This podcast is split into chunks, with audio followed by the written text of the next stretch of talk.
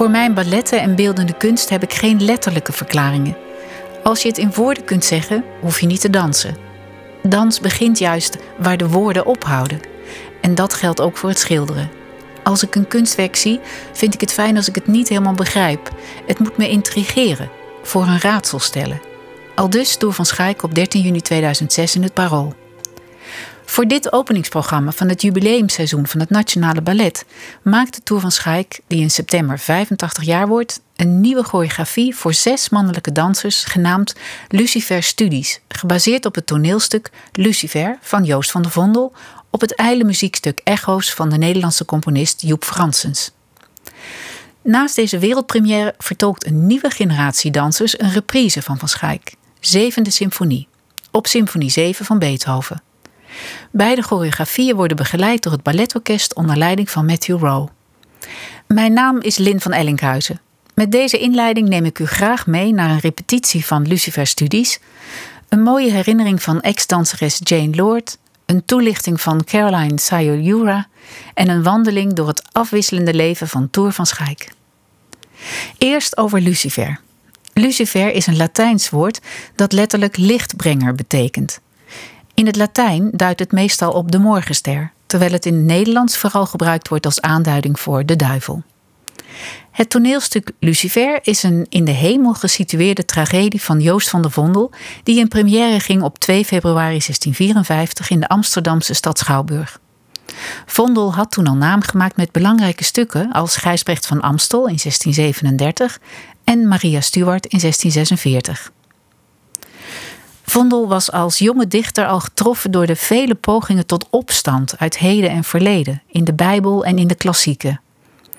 De hoofdoorzaak voor opstand is vrijwel altijd staatszucht, heerszucht. De begeerte van de mens naar een hogere staat dan God hem had toegewezen. In Vondels ogen was heerszucht hetzelfde als ontevredenheid en verzet tegen God. Het stuk is geschreven tegen de achtergrond van opstanden tegen de traditionele vorstenhuizen en nieuwe natievorming. Lucifer is dan ook een zeer politiek verhaal met coalitievorming, machtspelletjes en manipulatie van de massa. In die zin dus een heel actueel stuk. Vondel beperkte zich in het toneelstuk Lucifer tot één enkele regieaanwijzing. Het toneel is in den hemel. Die eenheid van plaats, tijd en handeling kon heel ruim genomen worden. Het verhaal geldt als volgt. In de hemel komt de hoogste, meest geliefde engel Lucifer in opstand tegen God, uit afgunst op de pas geschapen mens Adam en Eva. Uit die afgunst en hoogmoed van Lucifer is alle kwaad in de wereld voortgekomen, want Lucifer zal in zijn val ook de mens meeslepen. De engel Raphaël tracht nog te bemiddelen, maar Lucifer vertrouwt het niet. De intrigante Belial en Belzebub stoken de engelen op en smeken Lucifer zijn opstand uit te voeren. De aartsengel Michael brengt de opstandelingen een beslissende nederlaag toe. Zij storten omlaag, verliezen al hun schoonheid en krachten en veranderen in monsters. Maar ze nemen wraak en brengen Gods lievelingen Adam en Eva ten val. Lucifer wordt de duivel die Eva verleidt om de appel te eten. Met deze tragedie greep Vondel dus naar de kern van de zaak. Hij koos niet een verrader, maar de verrader als hoofdpersoon. Niet een of andere historische ramp, maar het oerkwaad als onderwerp. Tour noemt zijn stuk niet voor niets Lucifer Studies. Drie jaar geleden werd het idee voor een avondvullende productie opgevat, maar helaas moest hij dit plan stopzetten vanwege corona. Tour had echter al in voorbereiding op de productie in de afgelopen jaren diverse schetsen gemaakt. En deze schetsen nu vormen, zoals Tour het zelf schrijft, het onanekdotische karakter van het stuk. We zien niet zozeer een dansdrama naar het toneelstuk van Vondel, maar we zien abstracte dansscènes waarbij dualiteit en het kantelpunt tussen het goede en het slechte in de mens een rol speelt. Tour zet zijn choreografie op het muziekstuk Echo's van de Nederlandse componist Joep Francis. U hoorde bij aanvang van deze inleiding al een fragment. En dit was een oude opname van het Nederlandse Balletorkest onder leiding van Thierry Fischer, een productie van Donemus uit 1997. Over de muziek schrijft Tour. Echo's van Joep Francis kwam bij de zoektocht uit de hemel vallen, maar dus niet zoals Lucifer. Integendeel. Hij beschrijft de muziek als onwerelds. Het lijken oneindig uitgestrekte harmonische clusters die naar een dramatische, maar onverklaarde spanning opgevoerd worden, zonder dwingend ritme. In Toersvisie heeft de muziek een ironisch einde. En dit stuk, schreef hij, leek voor mijn choreografische studies geschreven te zijn. En ik hoop dat de componist het daarmee eens is. Joep Fransens werd geboren in 1955 in Groningen, is dus een Nederlands componist en studeerde piano in Groningen en daarna compositie in Den Haag en Rotterdam bij respectievelijk Louis Andriessen en Klaas de Vries.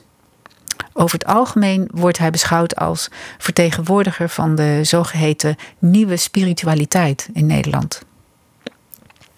Dinsdag 24 augustus was het eindelijk zover. Het was mogelijk voor mij om naar een repetitie te gaan kijken waar Tour zou gaan werken met Timothy van Pauken en Martin Kortenaar. Tot mijn verbazing kwam Tour eraan, maar dan wel voortgeduwd in een rolstoel. Hij bleek daar al een maand in te zitten omdat hij bij een vals een been had gebroken. Wat een pech. De repetitie werd er eerlijk gezegd wel extra spannend door.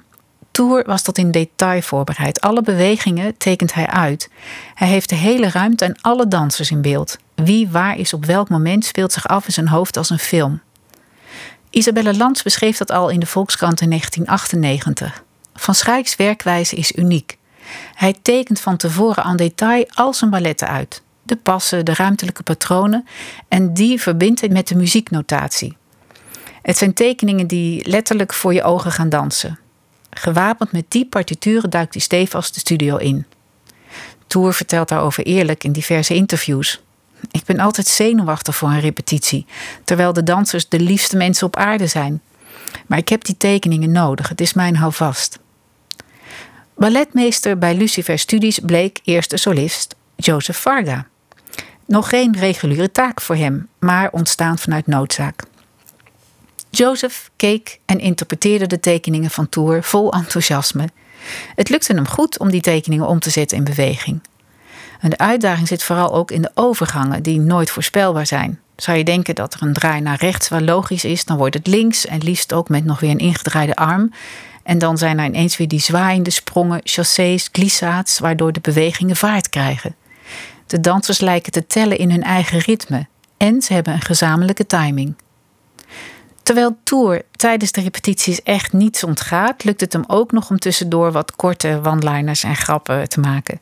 Bijvoorbeeld als Timothy en Martin hun pas de deux beginnen. Merkt Tour op, zo is het wel stil, hè? Zullen we toch een strijkje erbij doen? Of als Jozef blij is dat het hem gelukt is een hele tekening in beweging te zetten, merkt Tour fijntjes op. But there's a bit more, hè? En toont hij het script met heel veel aanvullende tekeningen om na een eerste doorloop zacht, maar duidelijk aan te geven: One more time, please, to get into the mood. Na het kijken bij de repetitie spreken we elkaar nog even. De rol van Timothy, vraag ik. Kan ik daar Lucifer in zien? Ja, antwoordt Toer zacht. Ja, natuurlijk. In die schetsen zijn wel enigszins fragmenten van het verhaal zichtbaar. Lucifer in gevecht met het opperwezen. God zou je kunnen zeggen. En de anderen omheen als de opstandelingen, ofwel de engelen. Maar het gaat ook over nu, deze tijd. Machtsstrijd is er altijd.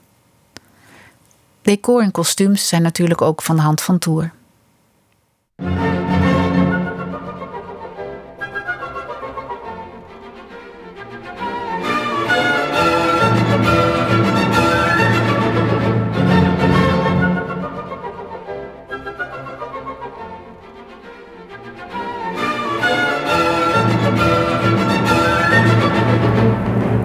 Lucifer Studies volgt de zevende symfonie.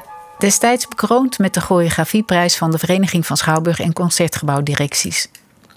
De oerpremière van de zevende symfonie vond plaats als afscheidstuk in de stad Schouwburg Amsterdam, waar het Nationale Ballet zijn thuisbasis had ruim 25 jaar. Daarna werd de zevende symfonie een van de eerste balletten op het grote toneel van Nationale Oper en Ballet. Jane Lord, ex-danseres van het Nationale Ballet en nu verbonden aan de Nationale Balletacademie, danste mee in deze oerversie. Ze herinnert zich het repetitieproces. We voelden dat we aan iets goeds werkten. De muziek, de passen, de vaart die dit stuk had. Wauw, dat wordt goed. We wisten het, vertelde ze. De cast bestond uit hele verschillende persoonlijkheden. Ze noemt een aantal dansers, waaronder Clint Farah, de unieke danser waar Tour altijd mee samenwerkte. Valerie Valentine, Alexandra Radius en Han Embelaar. Later danste Ellen Land zijn rol. Lindsay Fisher, Bruno Barat, Wim Broeks, Anna Seidel, Joanne Zimmerman, Jeannette Vondersaar, Rijnbert Martijn, Christophe Pastor, Amanda Beck, Caroline Sayojura en nu al excuus, zegt ze, voor wie ik niet noem. Een deel van de repetities van de zevende symfonie is te zien op YouTube. Als u zoekt naar Beethoven Symfonie nummer 7 Documentary Tour van Schaik, vindt u het. Tour vertelt in deze documentaire: het moet sterk zijn, geen pretty dancing. De zevende symfonie werd gecomponeerd vlak voor het einde van een belangrijk gevecht, de Zesde Coalitieoorlog, maart 1813 tot mei 1814. Dit was een militair conflict tussen Napoleons Franse keizerrijk en allerlei andere Europese grootmachten in die tijd: Rusland, Oostenrijk, Groot-Brittannië en Pruisen. Naar schatting vochten 2,5 miljoen soldaten in die oorlog. Er sneuvelden ruim 1 miljoen soldaten alleen al in Rusland. Deze bevrijdingsoorlog vond dus plaats tijdens de creatie van de zevende symfonie. Toer was acht toen de oorlog voorbij was. Hij herinnert zich die eerste bevrijdingsperiode als een tijd waarin men nog vrij oppervlakkig en euforisch, ongenuanceerd denkt. De angst voor bombardementen is Toer altijd bijgebleven. In een interview in Podium Dans vertelt hij daarover. De oorlog maakte een onuitwisbare indruk op me. Ik was toen een kind. Altijd heb ik de angst gehad nog eens een oorlog te moeten meemaken. Pas wanneer de wereld drastisch verandert, zal ik me daarvan kunnen bevrijden. Zijn ballet was zeker niet bedoeld als juichende dans of om alleen de harmonie van de muziek beeldend te verwerken. In het documentaire vertelt Toer over zijn keuze voor de muziek. Hij wil de muziek vormgeven die bijna iedereen kent.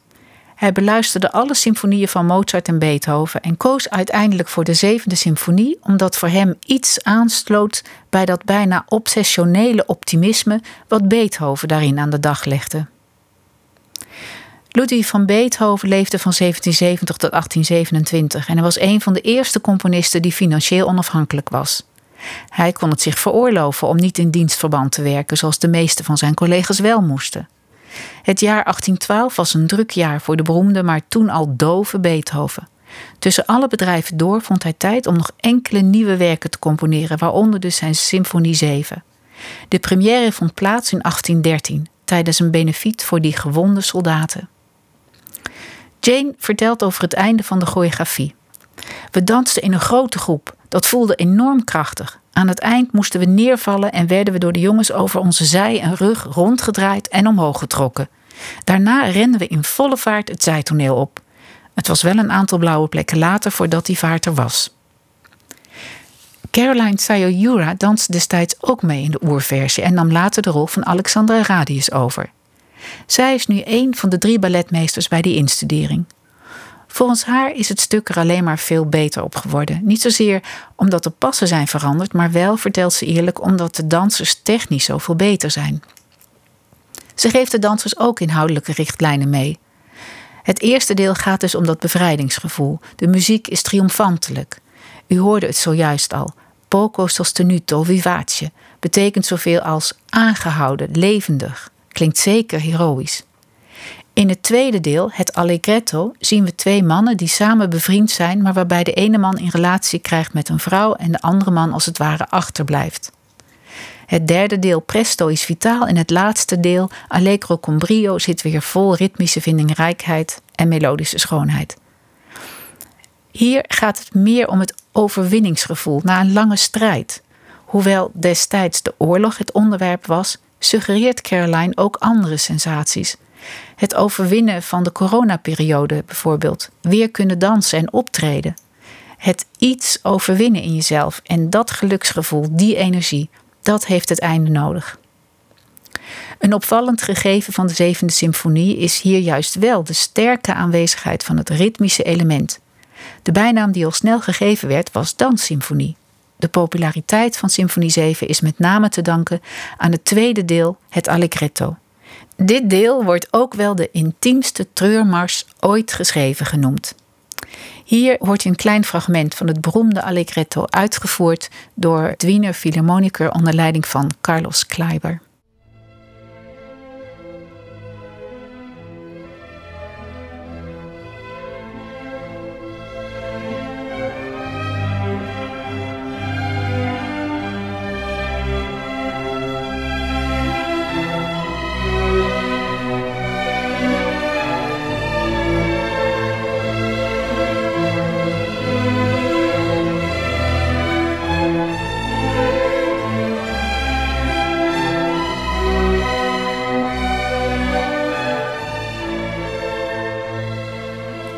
Programma is een hommage aan Tour.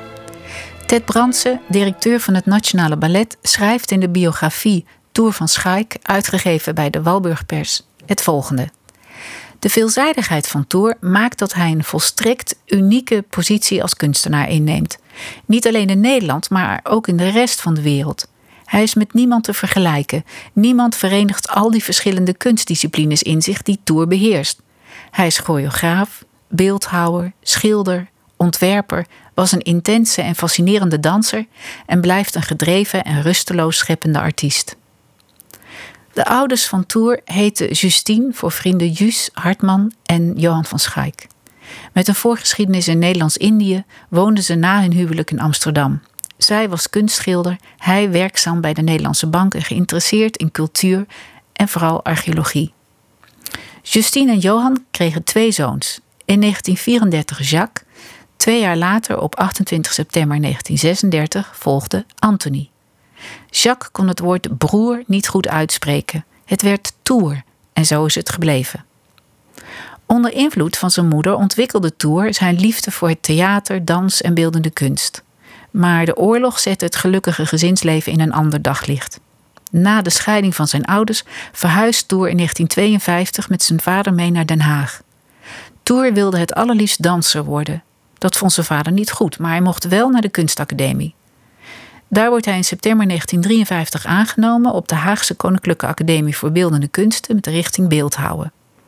Tegelijkertijd volgt hij lessen op de balletschool van Iril Gadeskov, pseudoniem voor Richard Vogelenzang. De rusteloosheid werd echter niet minder en de dans bleef lokken. Zijn vader wilde een gefundeerde opinie over Tours mogelijkheden om danser te worden. Die kwam van Sonia Gaskell, op dat moment de autoriteit op dansgebied in Nederland. Tour mocht in 1955 komen voordansen bij haar en haar Nederlandse ballet, de voorloper van het Nationale Ballet. Gaskell zei meteen dat ze hem wel bij haar groep wilde. Min of meer van de ene op de andere dag werd Tour aangenomen als aspirant. Hij zette de opleiding aan de academie stop. Tour had een natuurlijke, soepele manier van bewegen en een groot gevoel voor plasticiteit. Ook al had hij niet meteen de bouw om een echt klassiek danser te worden, hij had wel de gave via zijn bewegingen een eigen sfeer te creëren. Dit zei Rudy van Danzig, ook een van de dansers destijds bij Sonia Gaskell. Rudy en Tour raakten sinds die tijd goed met elkaar bevriend. Ze bleken dezelfde interesses te hebben en elkaar artistiek enorm aan te vullen. Er ontstond een hechte vriendschap voor het leven. Toch onderbrak Tour zijn dansloopbaan rond 1959 om zijn opleiding tot beeldhouwer te voltooien. Hij studeerde in 1960 cum laude af. Daarna volgde nog een studiejaar in Antwerpen en een periode op het eiland Paros in Griekenland, waar hij schilderde en beeldhouwde. In 1965 keert Tour terug naar het dansvak op verzoek van Rudy van Danzig naar het inmiddels opgerichte Nationale Ballet. Rudy werkte aan een choreografie. Hij vroeg Tour mee te werken met het creëren van passen. Uiteindelijk, vlak voor de première, werd de solist ziek en bleek Tour deze rol het beste te kunnen overnemen. Zijn gastoptreden in Monument voor een gestorven jongen in de rol van de jongeman werd een van zijn meest geprezen dansrollen. Rudy van Danzig zag hoe Tour zocht naar een eigen bewegingstaal, een combinatie wellicht van dans en beeldhouwkunst. Hij zag ook hoe rijk en eigenzinnig zijn ideeën waren. Ex-danser Han Ebbelaar zegt hierover: Als ik hedendaagse dansvoorstellingen bezoek, denk ik vaak: Goh, dat deed Tour ook al, vaak jaren geleden. Dat enorme scala aan bewegingen, de vervreemding in zijn werk, die heel eigen manier van lijnen creëren, dat onverwachte atypische gebruik van muziek en die gave om logica binnen de onlogica te vinden. Tours werk heeft het allemaal. In 1971 geeft Rudy de opdracht voor Tours eerste choreografie Onvoltooid Verleden Tijd. Een opmerkelijk gaaf en zuiver werk, helder van lijn en vorm, ontdaan van elke overbodigheid. Al dus kunstrecensent en ex-danseres Ine Rietstap. Meer dan 55 werken creëerde Tour sindsdien, voor met name het Nationale Ballet. Hij maakte pure muziekballetten en balletten met een maatschappijkritische boodschap. Hij maakte impressionistische en expressionistische werken. Werken die verwijzen naar belangrijke episoden in onze geschiedenis en de dansgeschiedenis. Choreografieën die midden in de tijd waarin ze gemaakt zijn staan. altijd werkend vanuit een sterk eigen concept, zonder zich rekenschap te geven of iets zal werken of een succes zal blijken. Tour noemt zichzelf geen pessimist, maar liever een optimist die weinig reden tot optimisme ziet. De vernietiging door de mens van de aarde liggen vaak ten grondslag aan zijn balletten. Kunst mag van hem zeker een boodschap hebben. Bij Tour heeft alles een reden, zeggen zijn trouwste dansers. Zijn balletten zijn als poëzie. Je kunt niet zomaar ritme of rijm ervan veranderen. Daarnaast is Tour een van de opmerkelijkste Nederlandse decor- en kostuumontwerpers. Behalve voor zijn eigen balletten creëerde hij voor vrijwel alle balletten van Rudy van Danzig de decors en kostuums. Extra noem ik ook het Zwanenmeer en Romeo en Julia, waar Tour en Rudy heel intensief samen aan werkten, en Nootkraker en Muizenkoning, waar Tour samenwerkte met Wayne Eagling. Hij maakte in 2003 bij de English Royal Ballet de ontwerpen voor een nieuwe productie van Sir Frederick Ashton's Cinderella, die in 2010 ook door het Poolse Nationale Ballet in het repertoire werd opgenomen. Zijn vrije werk omvat onder meer beeldhouwwerken en schilderijen, die onder andere op solo-tentoonstellingen in Amsterdam, Athene, Londen en New York te zien waren. En misschien minder bekend, maar wel relevant, is het feit dat Tour ook een aantal dansfilms heeft gechoreografeerd. Hoewel Tour in 2011 met pensioen ging, is hij nog volop actief. Bij het Nationale Ballet studeert hij nog steeds balletten in, voert de supervisie over zijn ontwerpen en creëerde in 2009 de decors en kostuums voor de nieuwe Giselle-productie van ons gezelschap. In 2012 werd hij onderscheiden met zowel de zilveren penning van de stad Amsterdam en ontving hij in datzelfde jaar de Benoît de la Danse Lifetime Achievement Award in het Bolshoi Theater in Moskou. Tijdens de première van het programma Hollandse Meesters in 2016 werd Toer van Schaik door de toenmalige minister Jet Bussemaker bevorderd tot officier in de Orde van Oranje Nassau. En niet gek dat wij dit jubileumseizoen van het Nationale Ballet beginnen met het programma Tour. Deze inleiding is samengesteld uit gesprekken met Jane Lord, Caroline Sayayura, Tour van Schaik zelf, fragmenten van de website Een leven lang theater, documentaires, citaten uit het programmaboek Tour en de biografie Tour van Schaik, danser, choreograaf en kunstenaar. Laat ik eindigen met een citaat van Tour over het kijken naar dans. Om gevoelens uit te drukken heb je geen verhaallijn nodig. Een thema, een emotie is voldoende als basis voor een ballet, waarna op associatieve wijze bij het publiek nieuwe gedachten, situaties en emoties kunnen ontstaan. Ik wens u een mooie voorstelling.